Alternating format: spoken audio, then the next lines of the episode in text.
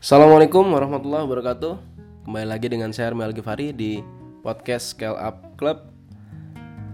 Siang hari ini saya ingin membahas apa ya?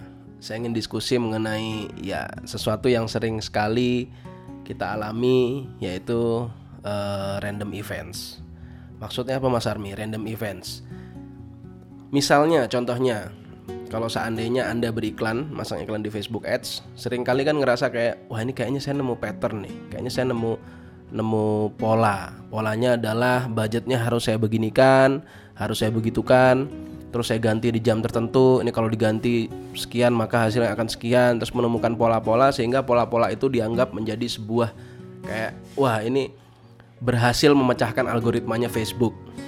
Padahal kalau teman-teman tahu, Facebook sendiri itu algoritmanya adalah algoritma randomness. Jadi bekerja dengan algoritma multi arm bandit. Multi arm bandit itu seperti teman-teman tahu itu random, itu random events. Random itu ya bisa jadi dia menemukan sesuatu, menemukan konvergensi, waduh istilahnya jadi makin kompleks. Bisa jadi menemukan sebuah apa namanya uh, sebuah titik uh, menuju ke sebuah result yang pasti bisa jadi nggak ada resultnya sama sekali. Itulah algoritma Facebook Ads. Ya ada satu penelitian yang cukup menarik. Saya lupa ini saya baca di mana, cuma saya ingat ceritanya aja. Kayaknya di buku bukunya Nasim Nicholas Taleb atau di di bukunya siapa ya? Malcolm Gladwell mungkin. Jadi ceritanya begini, ada orang-orang yang dipanggil oleh seorang peneliti ada kurang lebih sekitar 10 atau 20 orang. Nah, itu dia diteliti. Diteliti dimasukkan ke dalam ruangan. Mereka semua dimasukkan satu-satu. Eh sorry, dimasukkan berkelompok langsung satu. Langsung satu rangkaian sekelompok. Dimasukkan itu terus dikasih pertanyaan. Dalam jangka waktu tertentu akan ada bel yang menyala. Tapi saya tidak kasih tahu bel tersebut menyala karena apa. Nah, silahkan Anda semua yang berada di dalam ruangan melakukan sesuatu. Melakukan sesuatu sampai menemukan kira-kira belnya itu berbunyi karena apa. Nah, masuk tuh. Masuk akhirnya semua orang nah bel pertama bunyi tet gitu.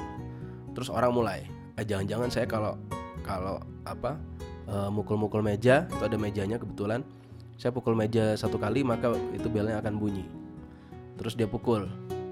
Nggak lama bunyi. Nah, orang yang lain mungkin mungkin ini langit-langitnya harus di harus ditekan nih. Oh mungkin temboknya bagian ini harus diraba harus dipukul tiga kali. Oh mungkin buminya harus diinjak-injak satu kali dua kali. Mereka semua mereka semua meneliti melakukan penelitian. Terus tuh belnya bunyi lagi tet. Nah, sampai kira-kira kurang lebih 20 menit orang tersebut orang-orang tersebut dikeluarkan. Keluarkan terus ditanya menurutmu bunyinya karena apa? Ini pak saya kalau setiap saya pukul meja maka belnya berbunyi. Jadi menurut saya mejanya itu uh, apa dengan cara memukul meja jadi akan bunyi. Uh, ada yang bilang enggak enggak temboknya temboknya begini begini begini. Akhirnya ya semua orang bener lah gitu. Semua orang mungkin bisa jadi itu bisa jadi memang algoritmanya bel tersebut bisa jadi begitu.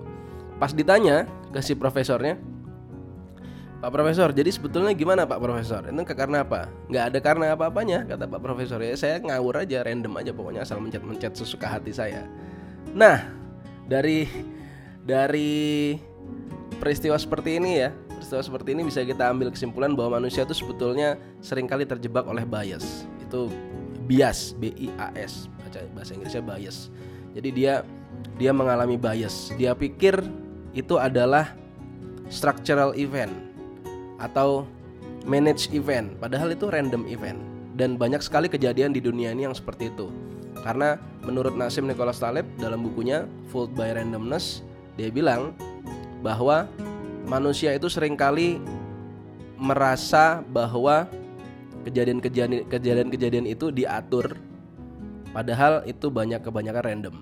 Atau dengan bahasa lain dia bilang manusia sering kali merasa kejadian-kejadian random di sekelilingnya itu sedikit padahal jauh lebih banyak dari apa yang dia pikirkan. Nasim juga mengatakan dalam bukunya uh, masih dalam buku yang sama kebetulan saya finishing this book minggu ini jadi saya sebelum saya lupa saya bagi-bagiin dia bilang juga dalam bukunya bahwa hard work hard work hard work itu sering kali sering kali apa namanya uh, memang menjadi perantara kesuksesan seseorang orang sukses karena apa karena hard work karena keahliannya dia, karena bakatnya dia.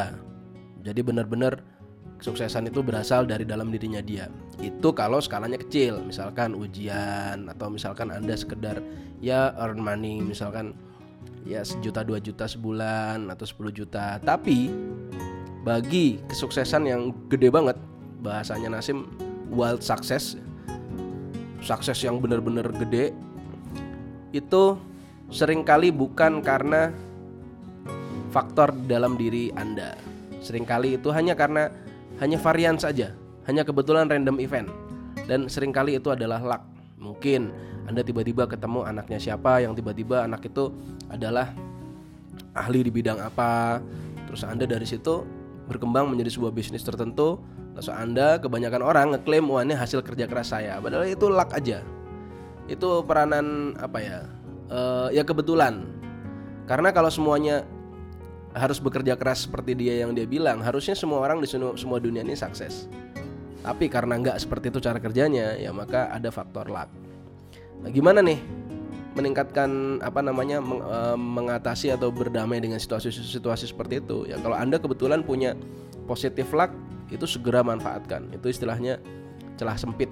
Celah sempit dalam kesuksesan anda dalam path yang kebetulan kebuka nah itu luck kebetulan anda beruntung itu langsung dimanfaatkan. Sebelum basi kalau kebetulan tiba-tiba anda bisa membuat sesuatu ya sebelum ditiru oleh orang lain ya eksekusi. Kebetulan anda dapat winning campaign ngiklan di Facebook Ads ya langsung dieksekusi. Jangan lagi nunggu aneh-aneh jangan lagi menemukan apa mencari-cari ini itu segala macam itu random semuanya. Itu mungkin sekilas dari saya. Saya akan ngobrol lebih banyak lagi mengenai randomness mungkin di podcast podcast yang berikutnya. Karena saya big fan dari uh, Nasim Nicholas Taleb saya lagi menamatkan semua buku-bukunya Nicholas Taleb yang empat series dan yang kelima ada terakhir itu tentang apa ya saya lupa tapi di Amazon masih antri belum belum di delivery kayaknya minggu depan kita lagi antri buku Gitu aja, terima kasih sudah menyimak podcast saya. Nantikan di episode yang berikutnya. Assalamualaikum warahmatullahi wabarakatuh.